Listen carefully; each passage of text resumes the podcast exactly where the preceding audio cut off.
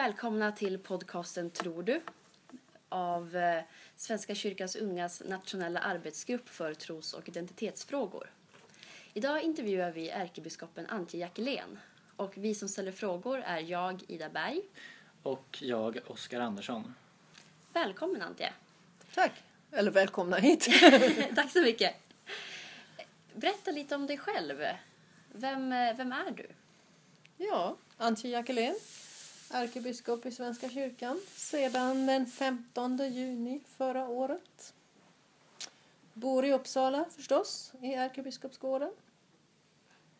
Tillsammans med min man. Och så har jag barn och barnbarn.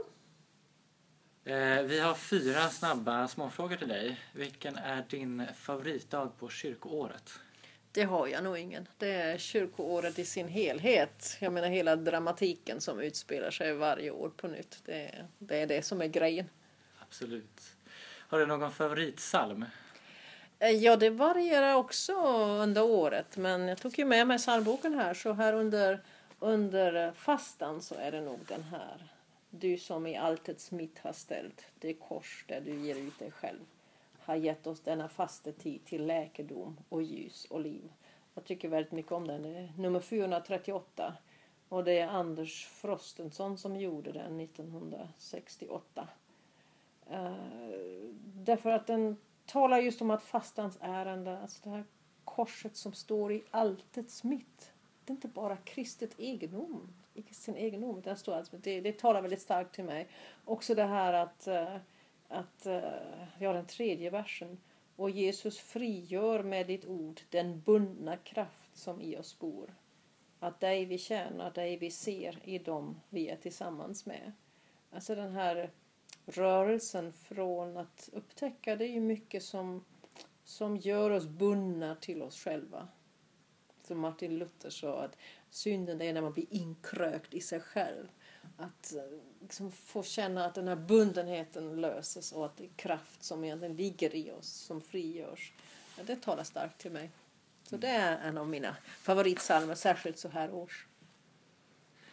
Absolut. Har du eh, ett favorit bi- bibelcitat, bibelord? Ja, när, när man lever med Bibeln så är det väl så att det är eh, Eh, det är många berättelser och, och verser som, som kommer till en och som blir viktiga från tid till annan. Det, det är väl i och för sig också många där, men ska jag nu lyfta ut en vers så, så är det den här första Petrusbrevets tredje kapitel. Eh, där det står Var alltid beredda att svara var och en som kräver besked om ert.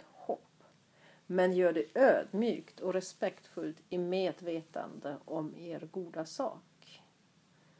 Tycker jag. Den, den, den funderar jag ofta på och den, den, den har varit med mig länge så det, jag säga, det är en av mina favoritverser i Bibeln. Sen finns det många andra. Så.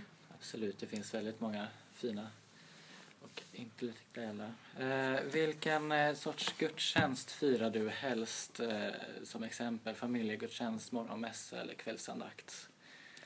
Och så vidare. Ja, det beror ju på omständigheterna naturligtvis. Mm. Men det som jag firar oftast är ju faktiskt högmässa.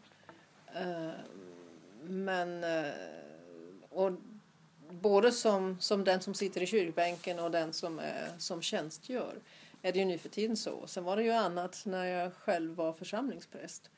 Eh, Då var det ju från tid till annan andra typer av gudstjänst också som, som ja, familjegudstjänst, även skolgudstjänster och så vidare. Så jag trivs med alla. De som lyssnar på den här podcasten är många ungdomar från ja, 15-årsåldern och uppåt. Och vi tänker att det är många som kanske inte riktigt har koll på vad en ärkebiskop egentligen gör. Vad är den viktigaste funktionen ärkebiskopen har? Ja, det är ju att leda och inspirera arbetet i kyrkan på, på olika sätt. Sen rent praktiskt så, så ser det ju väldigt olika ut. Um, jag menar, en sak som en ärkebiskop gör det är att viga biskopar.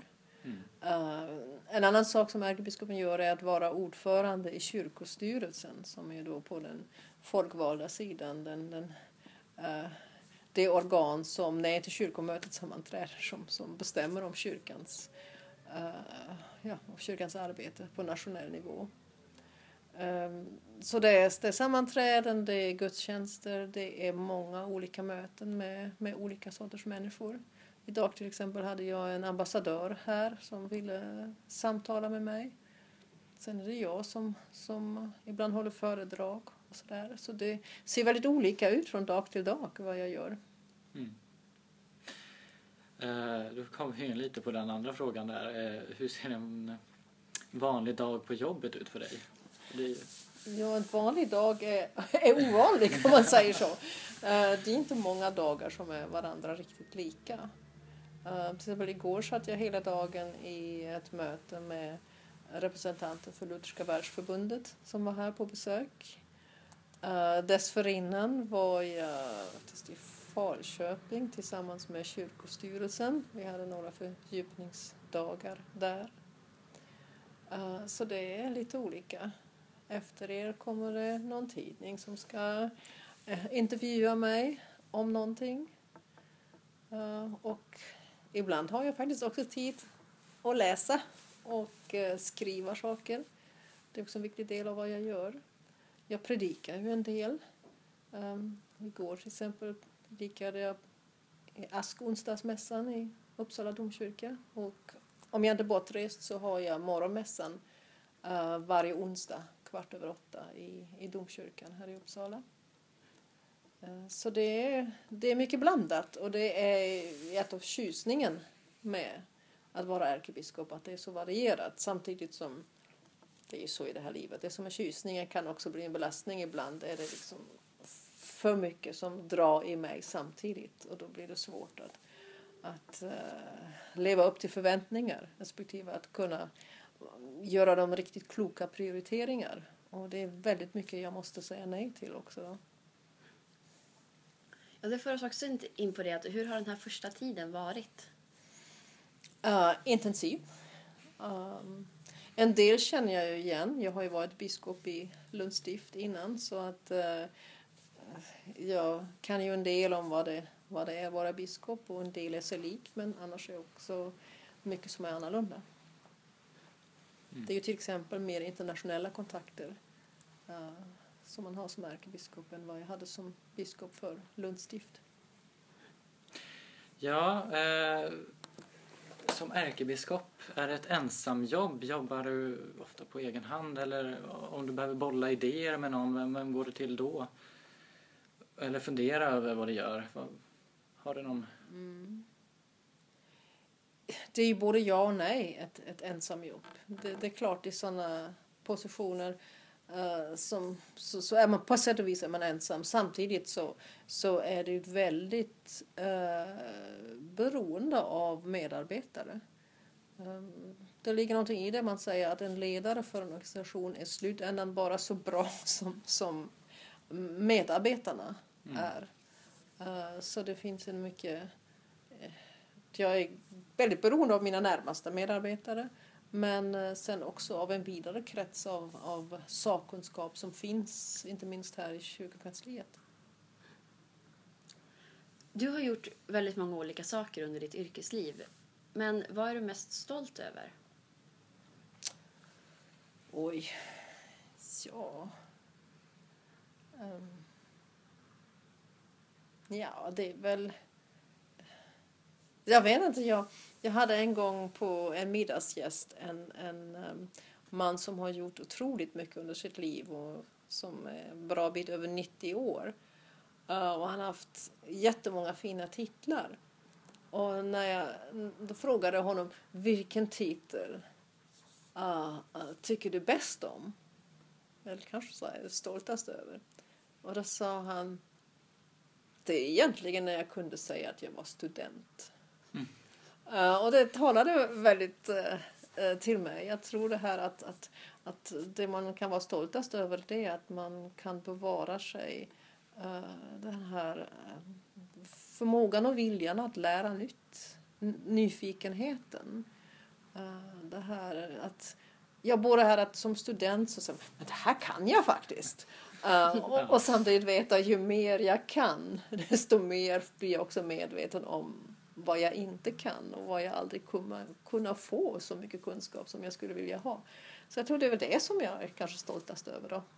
Eh, du har ju engagerat dig för religionsdialoger och eh, även kritiserats eh, för att du varit positiv till dialog med andra religioner. Samtidigt har vi haft en politisk spänning i Sverige kring närvaron av människor från andra religioner och kulturer. Vilken roll tycker du att vi som Svenska kyrkan ska ha i samhället? Uh, ja, det var mycket på en gång där. Ja, eh, vi, vi har ju en väldigt uh, betydelsefull roll i, svenska, i, i samhället. Som Svenska kyrkan. Jag menar, vem är Svenska kyrkan? Jo, vi är 6,4 miljoner medlemmar. Uh, så varje medlem är ju sätt och vis av betydelse uh, för Svenska kyrkan och definierar på något vis Svenska kyrkans roll i samhället. Sen har vi naturligtvis också genom uh, olika röster Eh, en möjlighet att, att, att, vara en del av det offentliga samtalet i vårt samhälle. Och, och där är det ju väldigt tydligt att uh, vi förväntas delta i samhället. Också av de som så att säga företräder den världsliga delen av samhället. Att det finns en förväntan över att, en förväntan på att vi står upp för uh, till exempel människovärdet, vilket vi gör utifrån vår tro att eh, alla människor är skapade till Guds avbild och har därför en värdighet som inte ska trampas på. Eh, så det är väldigt viktigt.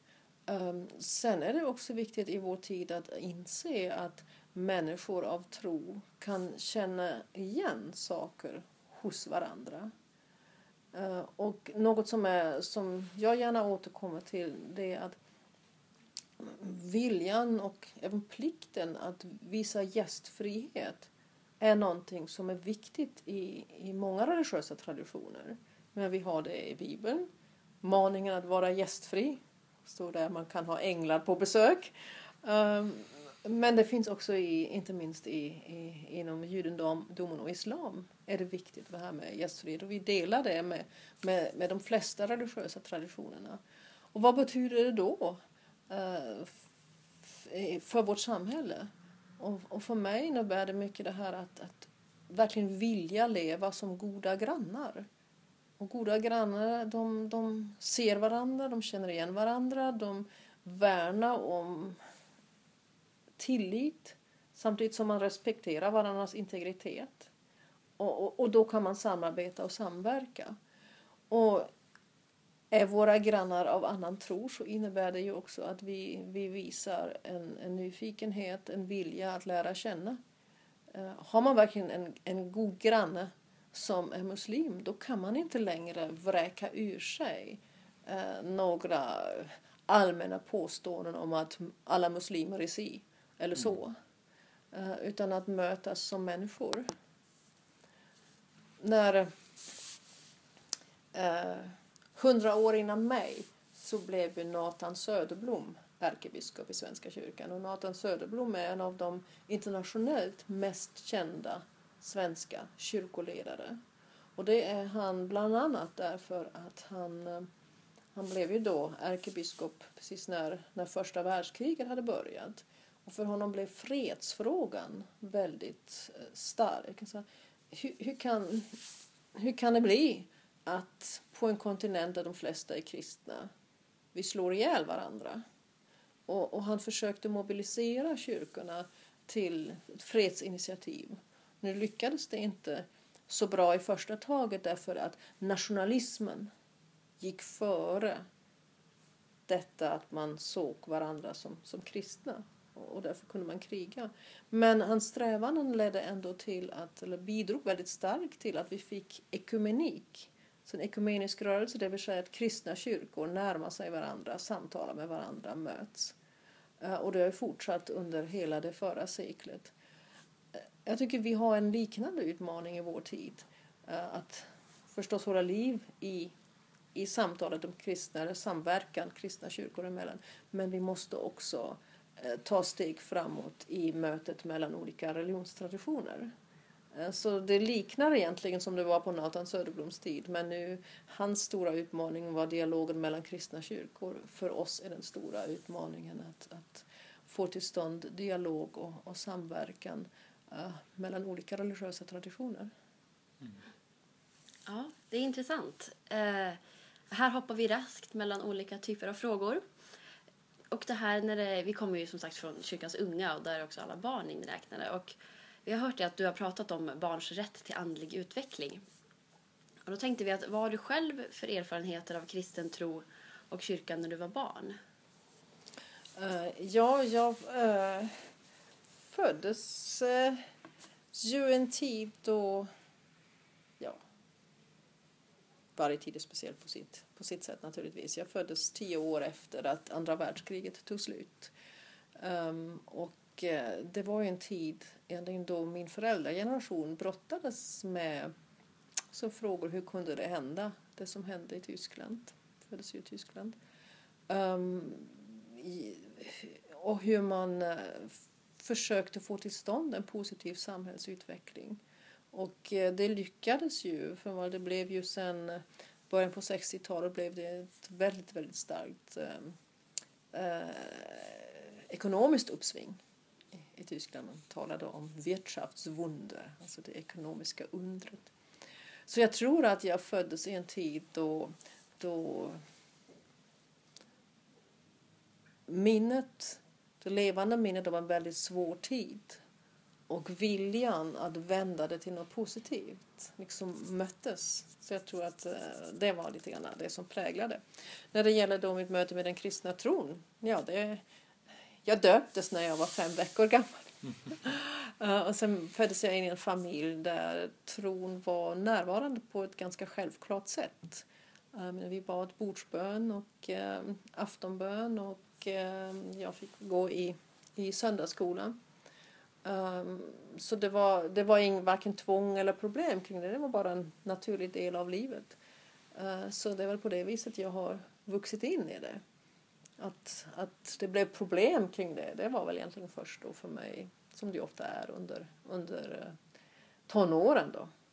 När man, ja, när man ska man ska genom det här att ifrågasätta och, och, och brottas med frågan om mening och existensen och den här insikten att man ju faktiskt inte kommer att leva för evigt och allt det där. Det var ju för mig också en brottningskamp eh, med Gud kan jag ju säga. När skedde, skedde den tiden och hur långt tog det därifrån till att du valde att läsa till präst? Ja, det är ju svårt att säga så här i, i, i bakefter. Jag, kan ju inte, jag vet inte nu när liksom det började. Jag minns att jag konfirmerades rätt så tidigt. Jag var, eh, det var strax innan jag skulle fylla 13 som jag konfirmerades. Eh, och jag minns då väldigt starkt att eh, när prästen i sin predikan citerade det här eh, som också finns i, i, i Nya Testamentets brev att Gud som har börjat ett gott verk i er ska också fullborda det. Så tyckte, det, det talade starkt till mig. Jag tänkte okej, okay, någonting har börjat i mig. Mm -hmm, det är ju spännande att se vad det, vad det slutar. Och jag, jag liksom kände så här att jag kände, ja men jag är med. Jag är med, ställ upp på det här. Uh, utan att veta egentligen vad det, vad det sen, sen innebar. Sen kom ju då en tid av brottning. Och när jag sen hade tagit studenten så visste jag först inte riktigt vad jag ville. Alltså jag tog en, ett års paus och bodde i Schweiz då ett år. Drygt år innan jag började läsa teologi. Och, och då var det nog eh, att eh, jag dels intellektuellt drogs till teologin. Jag tyckte det var oerhört fascinerande. Ehm, också den bredden som finns i teologin. Men är man intresserad av historia så finns det mycket. Och är man intresserad av litteraturstudier, av språk, så finns det jättemycket där. Är man intresserad av etiska frågor så finns det där. Är man intresserad av filosofiska frågor så finns det där. Och för mig som eh, egentligen sedan gymnasiet har varit intresserad av relationen mellan naturvetenskap och tro så fanns det också möjlighet för mig att utveckla den sidan inom, inom teologin. Så det fascinerade mig väldigt mycket. Men sen var det ju naturligtvis också den här tros, trosresan. Och jag, det, jag var inte en sån att första dagen jag började läsa så präst ska jag bli. Eh, utan det var lite mer så här, vi får väl se. Så det mognade fram så småningom. Ja, eh, vilken roll tycker du att Svenska kyrkans unga borde ha i Svenska kyrkan då? För att byta ämne. Borde, säger du.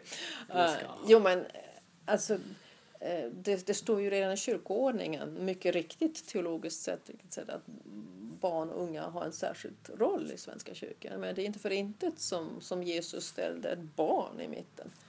Uh, och inte en ärkebiskop om man nu säger så. Um, så att uh, barn och unga uh, är viktiga och utmaningen är att de ska inte vara viktiga på det sättet att vi hela tiden gör en massa saker för dem och tillrättalägger saker för dem eller sysselsätter dem. Utan att vi, vi hjälper dem och, och, och tillåter dem att vara subjekt uh, i, i församlingen, i, uh, i trons liv. Och det som jag tycker, att jag tycker lite synd att vi i kyrkan har, har um, efterapat väldigt mycket samhällets indelning i åldersgrupper. Uh, och ibland leder ju det här till att, att det finns Svenska kyrkans unga att befästa det här på något sätt. Va? Att, ja, men det här är för de unga och det här är för de vuxna. Uh, istället för att vi skulle egentligen utifrån vår tro uh, ha lättare för att just vara generationsöverspännande. Mm. Och, och uh, alltså den här liksom föreställningen att när 50-åringarna har roligt då kan inte tonåringar ha roligt i samma rum. Jag skulle gärna vilja komma ifrån det och se mer ett, ett, ett självklart eh, omgänge med varandra. Jag har ju levt några år i, i USA och, och där slog det mig att det fanns, i alla fall där jag omgicks, fanns det en lite annan kultur. Det var, det var betydligt mer självklart att man omgicks och pratade eh, mellan generationerna. Eh, och det var från båda hållen. Det var liksom ganska självklart att, att till exempel när det var såna kyrkfika att det var inte så att här hängde ungdomarna i, i en del av rummet och här hängde 70-åringarna. Utan man pratade faktiskt med varandra. Uh, och, och sen när jag, kom, jag minns när jag kom hem tillbaks till Sverige att jag reagerade på att det var inte lika självklart här på det viset.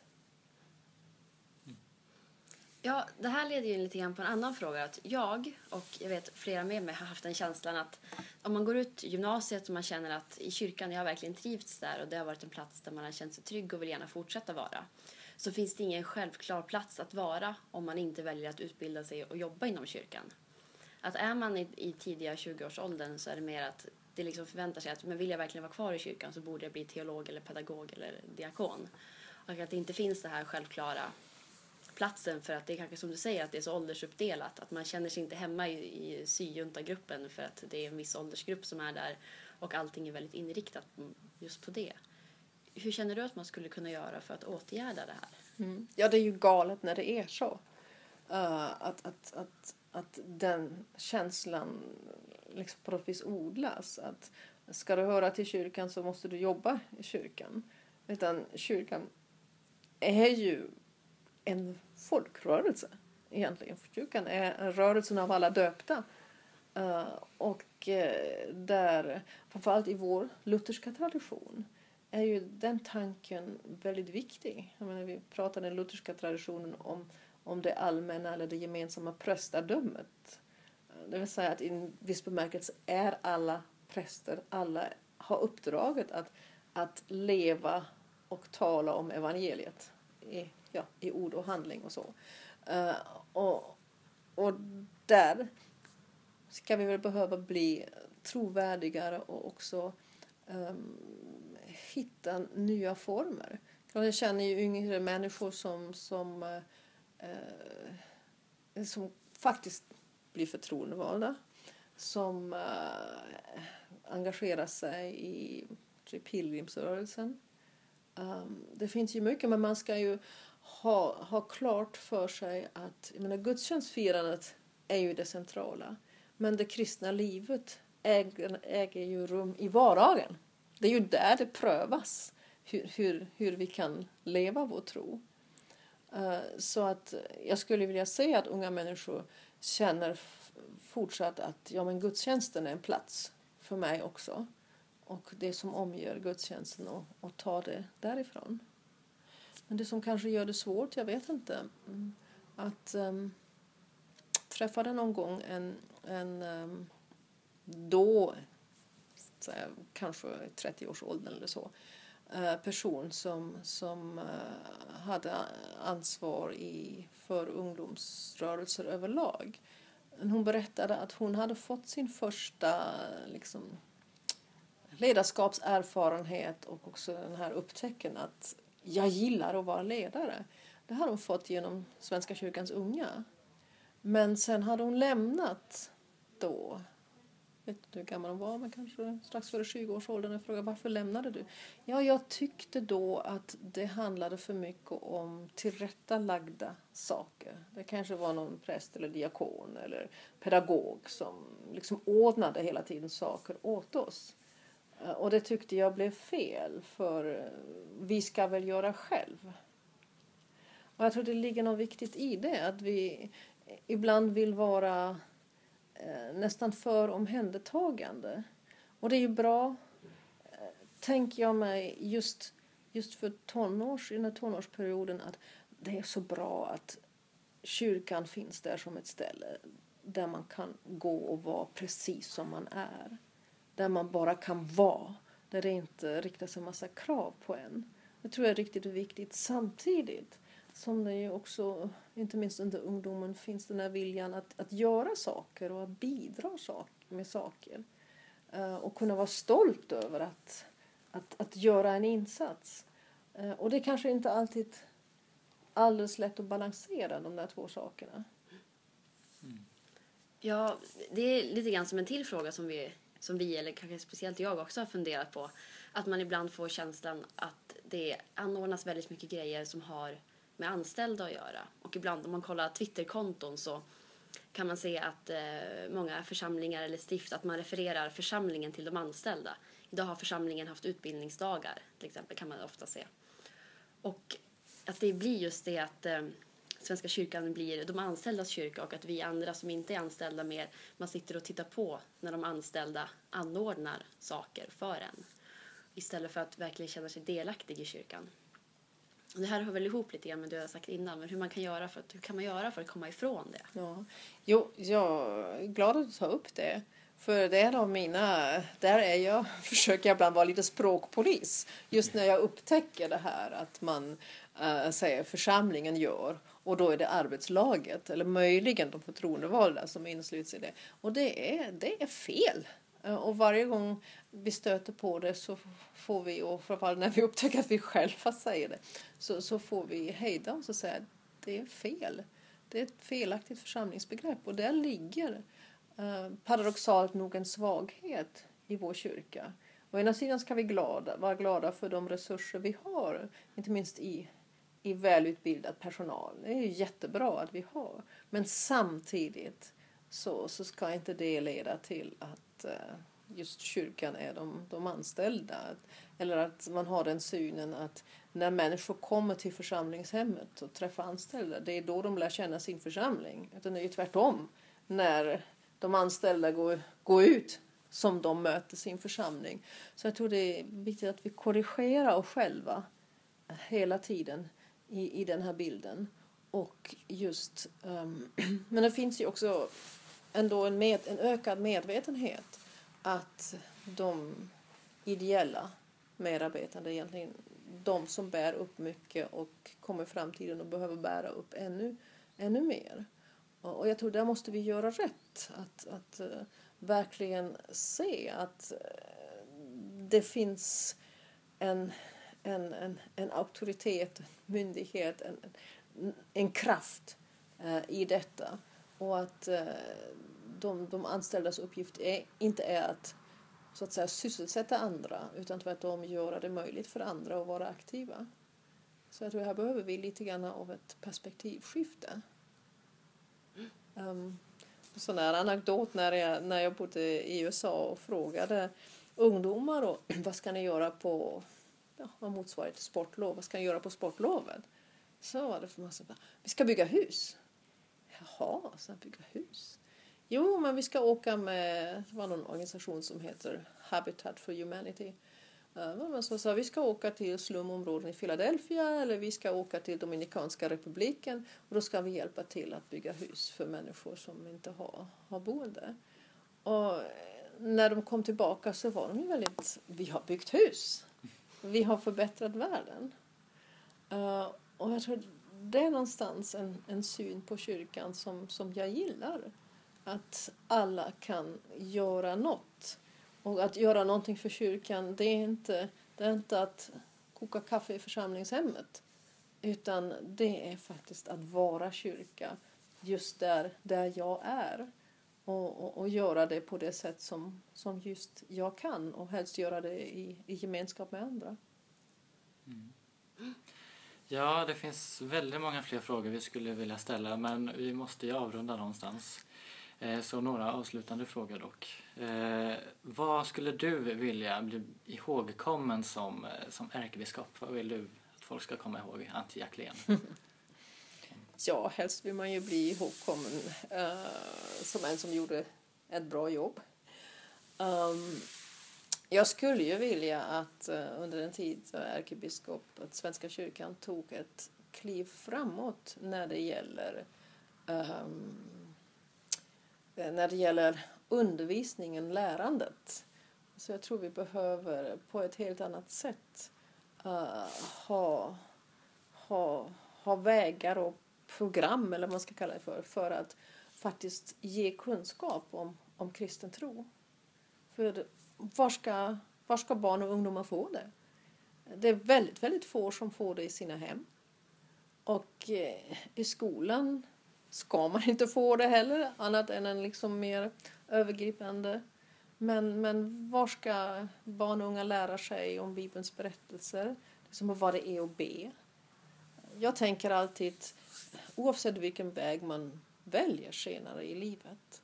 Eh, men det är ju väldigt svårt att säga ja eller nej till någonting som man inte har prövat på överhuvudtaget. Så att ge barn tillgång till, till trons berättelser, till till bönens språk hjälper faktiskt att, att ge dem möjlighet att bestämma själva sen när de blir, blir större. Och jag tror det hjälper dem också under just under tonårsperioden. Att, eh, Ja, men det är ändå lättare om man tycker att livet är förskräckligt att man har någon att skrika till än att vara helt utlämnad åt sig själv. Så allt det där att, att ge plats för att få kunskap och eh, och fördjupning och lära sig. Det, där måste det ske mycket på det området. Och inte bara när det gäller barn och unga, faktiskt vuxna också, alla åldrar. Så det hade varit bra om man kunde säga att det var under den tiden som det hände något på det området. Ja, men vad bra då med sista frågan, för då får du chans att, att lära lite. Vad skulle du vilja att alla människor i Sverige visste om Svenska kyrkan? Oj. Uh, ja, det är ju egentligen en ganska svår fråga. För innan de vet någonting om Svenska kyrkan så tycker jag ännu viktigare att jag skulle veta att de, de hade en grundläggande kännedom om berättelsen om Jesus och, tillgång till, till det. Eh, och att via den vägen säga, men var, var kan man odla den kunskapen? Jo, men det kan man ju göra eh, i Svenska kyrkan. Men också i andra kyrkor. Um, jag tror det, det, det är ganska viktigt också att, att tänka på vilka, vilka egna rötter kommer jag ifrån. Uh, och, och, där har vi ju, vi har ju många kristna kyrkor i Sverige uh, nu för tiden. Och, och där är vi tillbaka där vi nästan började i ekumeniken med Nathan Söderblom att, att uh, det är viktigt att, att se den här mångfalden också i, i, i um, kyrkan. Men det grundläggande är att jag skulle vilja att människor kände till berättelsen om Jesus Kristus och naturligtvis drogs in i berättelsen, upptäckte att de är faktiskt en del av Guds stora, uh, stora verk med, med, med världen. Ja, tack så mycket, jättemycket Antje. Och eh, tack till alla lyssnare. Ni har lyssnat på podcasten Tror du av Svenska kyrkans ungas nationella arbetsgrupp för tros och identitetsfrågor. Ni kan följa oss på Twitter under SVK Unga Tro och på Facebook-sidan Tror du. Tack så mycket!